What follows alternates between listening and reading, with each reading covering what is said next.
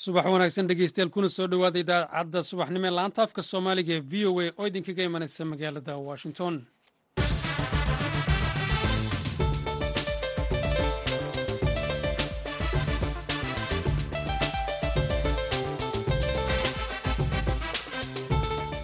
Waa subax talaadaha toddobada bisha maarso sannadka laba kun iyo saddexiyo labaatanka waxaanaad naga dhegaysanaysaan mawjadaha gaagaaban ee lix iyo tobankii sagaaliyo tobanka mitrban iyo bogga v o a somaali com. Saacadda afrikada bari haatan waa lixdii iyo barhkii aroornimo washingtonna waa tobankii iyo barhkii habeennimo.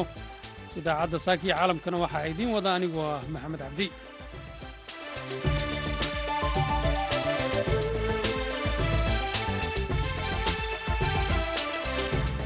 Qodobadaad ku maqli doontaan idaacadda saaka iyo caalamka waxaa ka mid a cilmi baadhis laga sameeyey muqdisho oo muujinaysa dhibaatada ay shacabku kala kulmaan helitaanka adeegyada ay u doontaan xafiisyada dowladda hoose ee magaalada xamar. Caqabadahani waa caqabado dadku aada u wanaagsan yihiin siiba dadka reer muqdisho ee adeegyada u doontay goobahaas iyo lugahooda ku tegayba waa waxay aada uga dharagsan yihiin ugana warhayaan sidobaan ugu korgallay oo markaan foorumka aan ka qabanay oo kale. Dadyow badan oo foorumka joogay baan ka wareysanay dadkaas waxay nala wadaageen waxyaabihii ay kala kulmeen markay goobahaas adeega u doonteen. Waxaad sidoo kale maqli doontaan dowladda hoose ee xamar oo ka jawaabtay eedahaasi loo soo jeediyey. Waxaad sidoo kale maqli doontaan bil kadib waa sidee xaaladda goobihii uu ka dhacay dhulgariirkii lagu hoobtay ee ka dhacay turkiga iyo suuriya. Ururka kubadda cagta adduunka ee fifa oo aqoonsaday mid ka mida guddoomiyaashii xidhiirka kubadda cagta ee soomaaliya ee dhowaan lagu kala doortay magaalada muqdisho. Hase yeeshee intaaso dhan waxaa ka soo horraynaya warkii caalamka.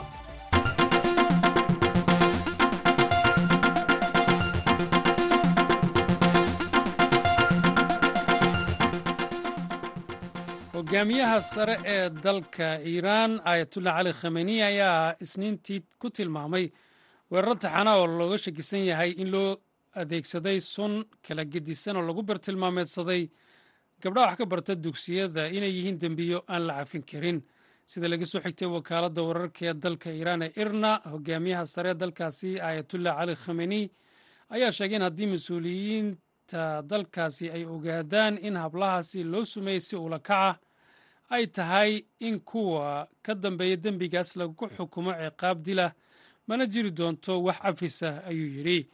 Madaxweynaha dalka iiraan waa ibraahim ara'iisi ayaa amar ku bixiyey in la baadho dhacdooyinka kala duwan ee la diiwaan geliyey oo ay ku jiraan xanuunno lala soo darsay hablaha wax ka barta in ka badan soddon dugsi kuwaas oo soo taxnaa tan iyo bishii nofembar ee sannadkii hore.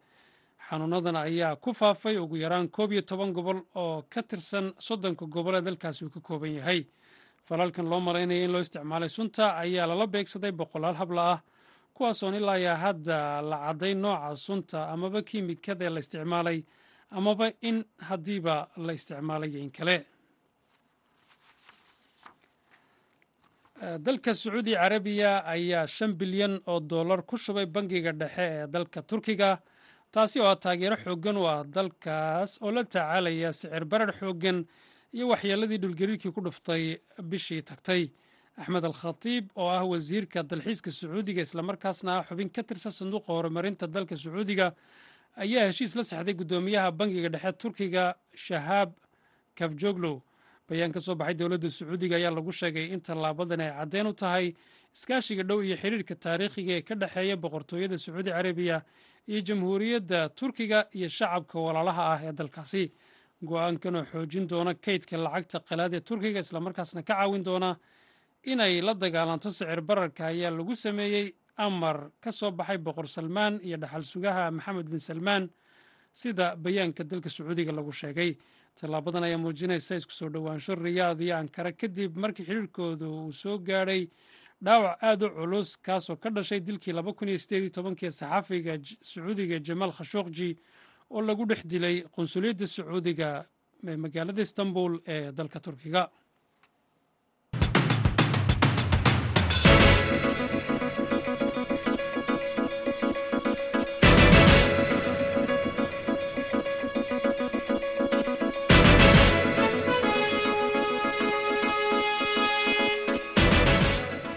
subax wanaagsan mar kale dhegeystayaal dhammaantiinba weli waxaad la socotaan v o a washington. Hay'adda somali public agenda oo ahayd cilmi baadhisa ayaa waxay soo bandhigtay daraasad ay ka samaysay caqabado ay sheegtay inay bulshadu ku qabto goobaha laga bixiyo adeegyada bulshada ee dowladda hoose ee xamar. Haddaba qaabka ay daraasaddan u samaysay iyo waxyaabaha ay ku ogaadeen ayaa wariyaheenna muqdisho xasan kaafi cabdiraxmaan qoyste waxa uu ka waraystay maxamed aadan oo ka mid a mas'uuliyiinta hay'addaasi waad mahadsan tahay walaal xasan faalladan aan qornay waxay ka hadlaysay helitaanka waraaqaha aqoonsiga ee dowladda laga qaato magaalada isgaar magaalada muqdisho iyo caqabadaha ku heerareysan iyo ama ku xayndaaban marka arintana waxaa keenay kulamo isdaba jooga oo kulamo dadweyne ama foorumyo ayaan muddadan qabananay oo arrimaha bulshada si gaara lagu diiradda lagu saareeyey kuwaas oo lagu falanqeynayay adeegyada bulshada iyo caqabadaha haysto iyo sidii lagu horumarin lahaa. Marka si guud forumkaas ama kulanka dadweyne ee la qabtay ayuu daba socotay faalladan. Maxsuulka nooga soo baxayna waxaa weye inay mataqaanaa bulshada si gaara bulshada reer muqdisho ay dhibaato aada u weyn ka haysato helitaanka aidiyada ama waraaqaha dowladda laga helo sida mataqaanaa warqada dambiil ahaanta baasaboorka haday noqoto warqada dhalashada iyo tan baabuurta lagu wado si guud waxyaabahaas oo kale dhibaato aada weyn ka haysato oo ay caqabado kala kulmaan mataqaanaa dadka u adeega iyo sidoo kale nidaamka ay maraan oo dhan iyo mataqaana taasoo dabcan mataqaanaa saameynna ku yeelata oo cawaaqib caaqibtooda leh. Marka si guud arrintaasaa nooga soo baxday taasaana nagu dhalisay. Daraasadan marka aada samaynayseen ma ku casuumteen ka qaybgalkeeda mas'uuliyiinta hay'adaha aada dhaliisha u jeedinaysaan walaalsaan horey kugu sheegay faalladan waxaa gundhig u ahaa kulankii dadweyne ama foorumkii aan arintan ka qabanay dabcan xogtii meeshaas lagu wadaagayo dadkii waxay nala wadaageen markaas ayaa gundhig u ahayd. Iyo dabcan annaga wax naga yimidba oo maadaama nahay dad xaaladii la socda magaalada ku nool. Marka dadyowgaas forum ka soo qeybgalay waxay isugu jireen dhinacyada kala duwan ee bulshada sida dad ka socday bulshada rayidka arday baa ku jirtay dad dhankan waxbarashada ku jiray oo aqoon-yahanaha ku jiray iyo dadyow shaqaalaha rayidka dowladaba dad ka tirsan ayaa ka mid ahaa. Iyo hay'ado kale dowladda dabcan dad ka tirsan inkastoo aysan xarumahaas matalayn. Marka waan la xiriirnay oo isku daynay inaan ku casuumno dadyow ka socda hay'adaha arrintan khusayso balse uma aysan suurtagelin oo badankooda arrintaa way ka gaabsadeen. Maxamed aadan maxaa ku cadaynaysaa in caqabada ku horgudban yihiin dadka adeegyada u doonta xafiisyada dowladda hoose ee xamar caqabadahani waa caqabado dadku aada u wanaagsan yihiin siiba dadka reer muqdisho ee adeegyada u doontay goobahaas ee lugahooda ku tegayba waa waxay aada uga dharagsan yihiin ugana warhayaan sidoo kale k s p a ahaan macnaha sidhow baan ugu kurgalay oo markaan forumka aan ka qabanay oo kale dadyow badan oo forumka joogay baan ka wareysanay. Dadkaas waxay nala wadaageen waxyaabihii ay kala kulmeen markay goobahaas adeega u doonteen iyo si guud dabcan waa baaritaan baan ku sameynay mataqaanaa dhibaatooyinka ka jiray iyo waxyaabahaas oo dhan. Sidoo kale xubno ka tirsan s p a ah iyaguna sidoo kale indhahooda ku soo arkay oo xarumahaas tegay oo dabcan noqon karaba markhaatiga koowaad oo mataqaanaa wax laga weydiin karo arrintan marka waxaan is leeyahay waa waa wax aada bulshada ugu dhex baahsan oo qof walbana uu fahmi karo mana u baahna xataa baaritaan dheer iyo maba u baahna. Waa wax aada banaanka u yaalla ugu dambeyntii cilmi baaristiinu ma soo bandhigtay xalka arrimahan wax looga qaban karo. Walaal siyaabo kala duwan baa lagu xallin karaa balse waxa ugu muhiimsan waxay faaladan soo jeedinayso waa in maamulka gobolka banaadir iyo dowladda dhexe ay bal horta dib habeyn ku sameeyaan shaqaalaha rayidka ee ka shaqeeya hay'adahan lana xoojiyo khibradooda iyo mataqaanaa aqoontooda iyo xirfadahooda sidoo kale waxay soo jeedaysa in laga warhayo oo lala xisaabtamo oo aysan dadka mas'uulka ka ah ee u madaxda shaqaalahaas aysan ku sii dayn dadka ee shaqaalahaas rayidka aysan dadka ku sii dayn ay ka warhayaan oo la xisaabtamaan.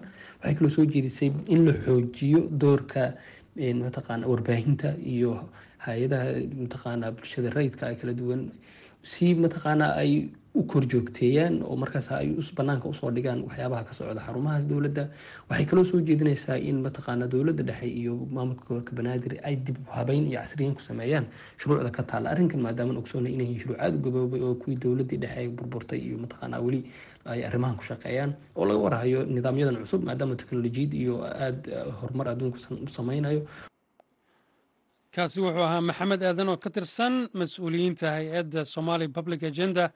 Waxa uu waramayey wariyaha v o da magaalada muqdisho xasan kaafi cabdiraxmaan qoyste.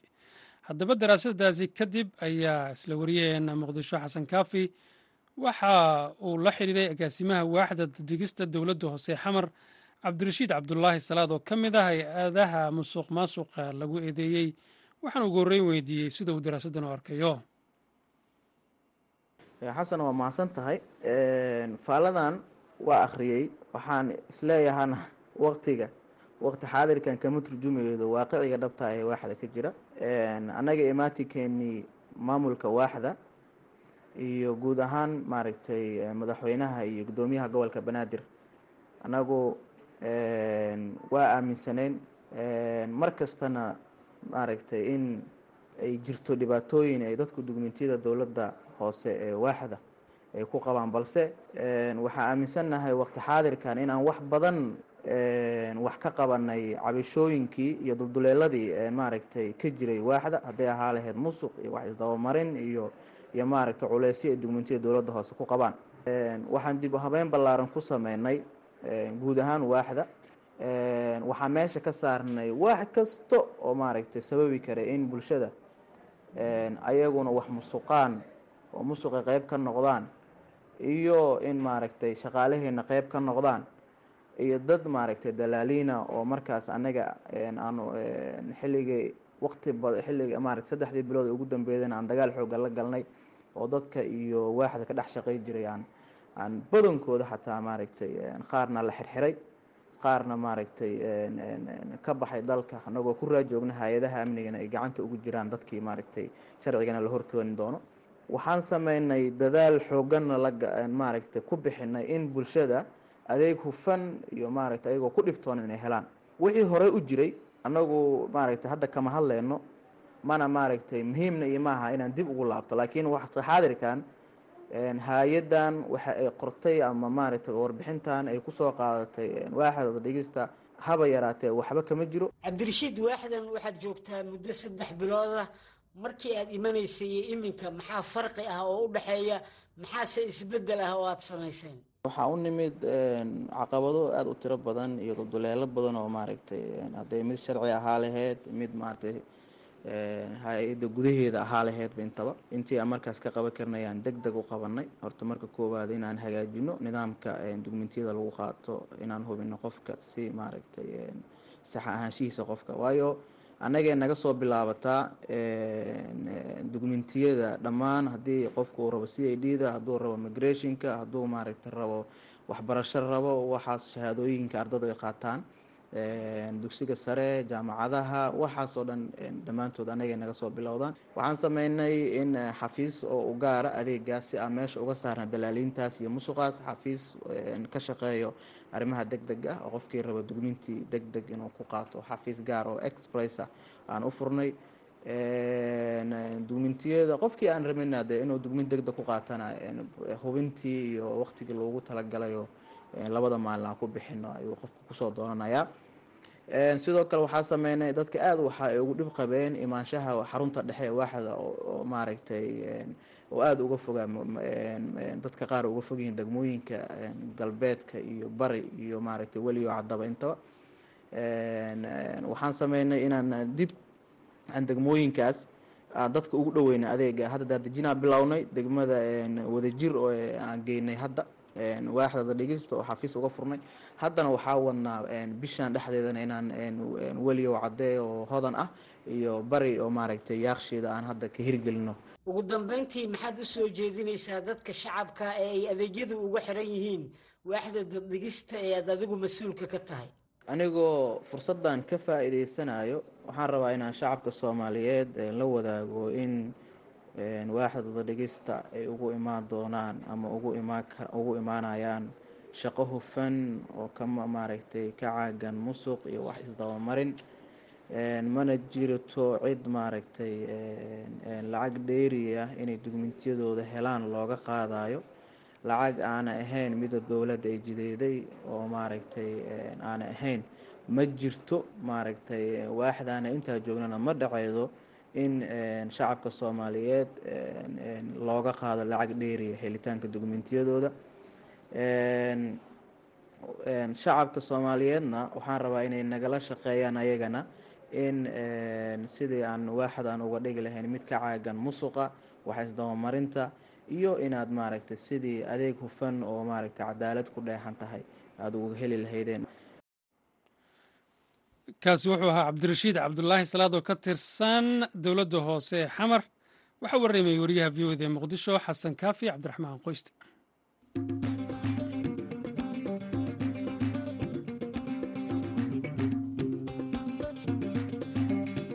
Subax wanaagsan mar kale dhegeysta dhammaantiinba weli waxaad la socotaan v o a washington. Dowladda turkiya ayaa bilowday dib u meelo ka mid a deegaanadii uu ku dhacay dhulgariirkii muddo hadda laga joogo hal bil ku dhowaad konton kun oo qof ayaa ku dhintay dhulgariirkaasi ka dhacay turkiga iyo suuriya. Guud ahaan saddex iyo toban milyan oo qof ayuuna saameeyey dhulgariirkaasi. Dadka ku dhintay iyo kuwa ku dhaawacbayba waxaa ku jiray dad soomaaliyeed oo u badnaa. Arday wax ka baranaysay deegaanada dhulgariirku ka dhacay. Waa sidee haddaba xaaladda soomaalidii ku waxyeelowday dhulgariirkaasi? Waraysigan ood qaybtiisii hore ku dhegaysateen idaacaddeenii fiidnimee xalay qaybtiisa labaad axmed yuusuf warsame oo deganaa magaalada gazianteb oo ka mid a meelaha dhulgariirku ka dhacay ayaa waxa uu waraysiisa ku bilaabayaa sidii ay u badbaadeen dibna ugu heleen isu helaan isagii qoyskiisa oo ka kooban lix qof. Wariyaha v o da qaaradda yurub cabdixaafid cawl ismaaciil ayuu khadka telefoonka ugu warramay.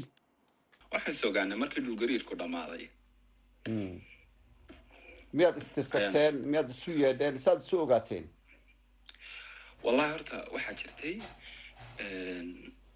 waan s horta anigu waan hurday oo aniga layguma darayo oo waan intii hurday laguma darayo. Laakiinse intii soo jeeday baa dadka u yeedhaysay hadda inan iyo inan baa soo jeeday.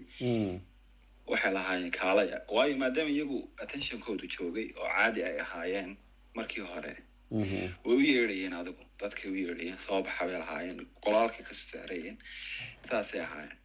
Waa tahay. Goormo ayaa gurbad idin yimi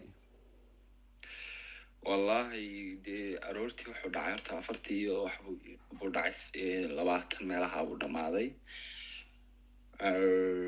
Maxaa la odhan jiray?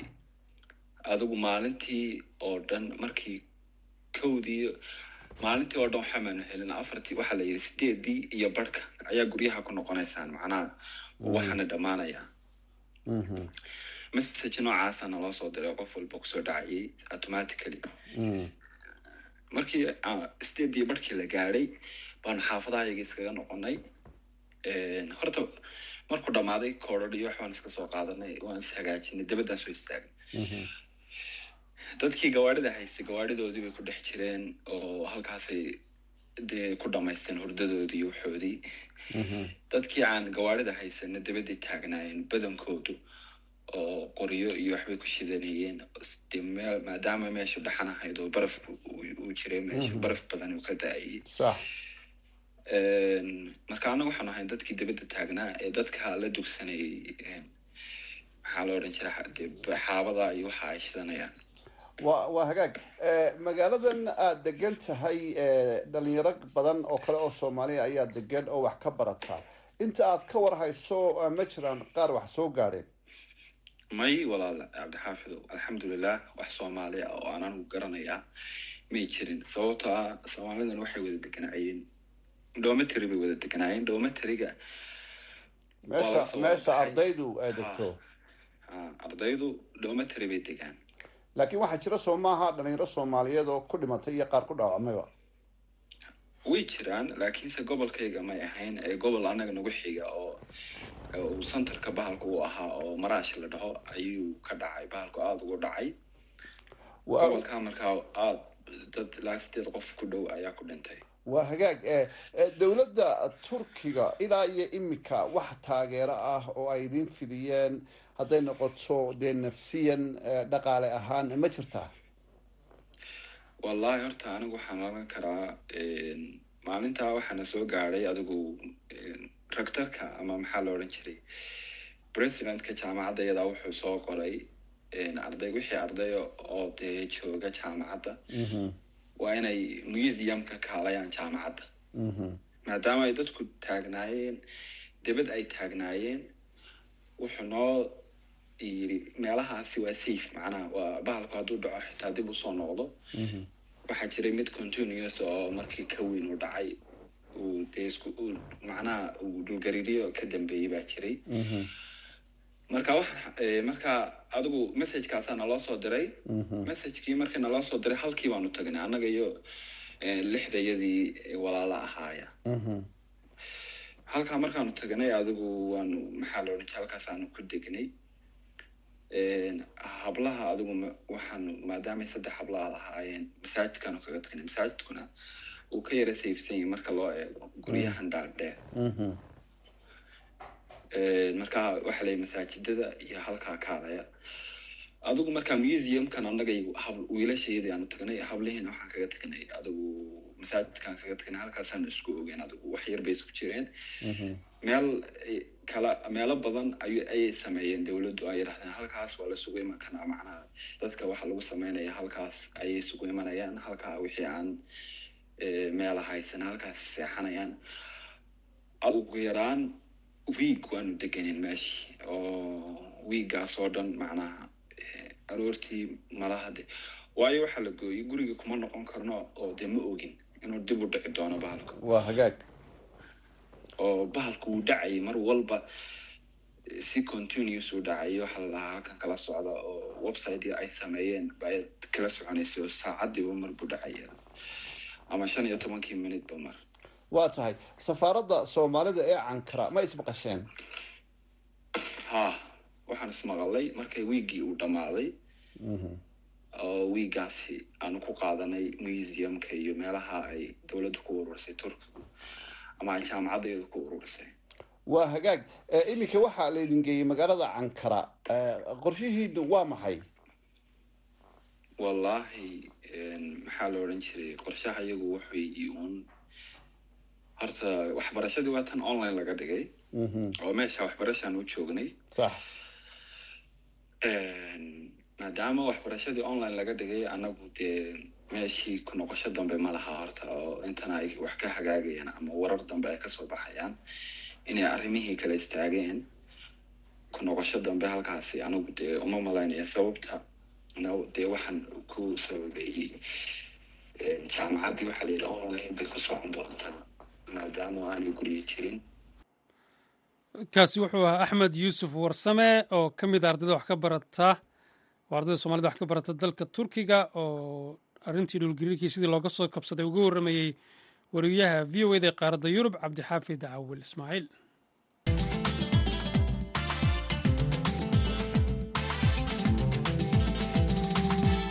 subax wanaagsan mar kale lamaantiinba xiriirka kubadda cagta adduunka ee loo soo gaabiyo fifa ayaa isniintii aqoonsaday mid ka mida laba guddoomiye oo dhowaan si kala duwan magaalada muqdisho loogu kala doortay. Madaxa xiriirka kubadda cagta ee soomaaliya ayuuna u aqoonsaday. Warbixintan waxaa muqdisho ka soo diray wariyaha v o da dhanka ciyaaraha mahad xidir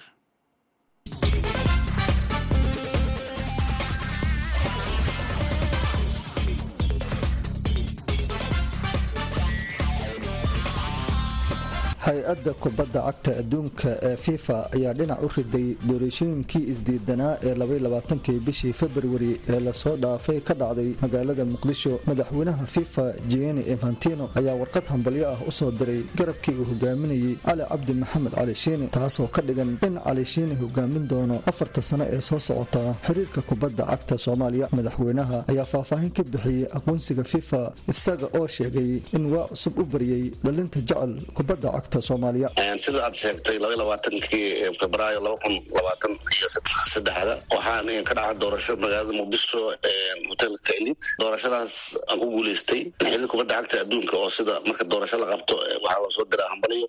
Waa inay hay'addaas aqoonsataa marka aqoonsigii saddexdii bisha marso ayay hay'adda kubadda cagta adduunka soo dirtay. Sidaas ayaan doorashadii aqbal ku noqotay. Kubadda cagta soomaaliya waxaan is leeyahay inay waa cusub u bariyey is leeyahay in haddii ilaah yidhaahdo aan wax badan oo aan ku soo kordhi doono. Ugu dambeyntii guddoomiyaha ayaa ugu baaqay dhalinyarada jecel ciyaaraha inay ka qayb qaataan horumarinta kubadda cagta soomaaliya. Dhammaan dadka dhalinyarada ah oo soomaaliyeed oo kubadda cagta jecel waxaan u baaqayaa inay ku dadaalaan sidii ay kubadda cagta u horumar lahaayeen. Soomaalidana waa dad aad u jecel kubadda cagta sida aad dareemaysid. Maalintii hadda jimcaha ahay waxaan koob ka soo furnay magaalada baydhabo waad arkaysa garoonka iyo sida u buuxay. Hadda xamar waxaa ka socda degmooyinka gobolka banaadir galab kasta waa aragtay malaayiinta qof oo timaada. Marka dadka soomaaliyeed oo kubadda cagta jecel. Waxaan rajeynaa dhammaanteen annagoo isku duuban inaan kubadda cagta caalamka wax la qaybsano xiriirka kubadda cagta soomaaliya oo saddexdii sano la soo dhaafay galay qalalaaso maamul ayaa hadda aaday jiho kale kuwa oo hadda isku diyaarinaya ka qaybgalka koobka qaramada qaaradda afrika ee toddobiitan jirada ee ka dhacaya dalka algeria. Mahad cali xidir v o a muqdisho. Aad iyo aad buu mahadsanyay macad cali xidir oo inala socodsiinayay barnaamijkaasi haatanna ku soo dhowaada heestan nasaaka idinku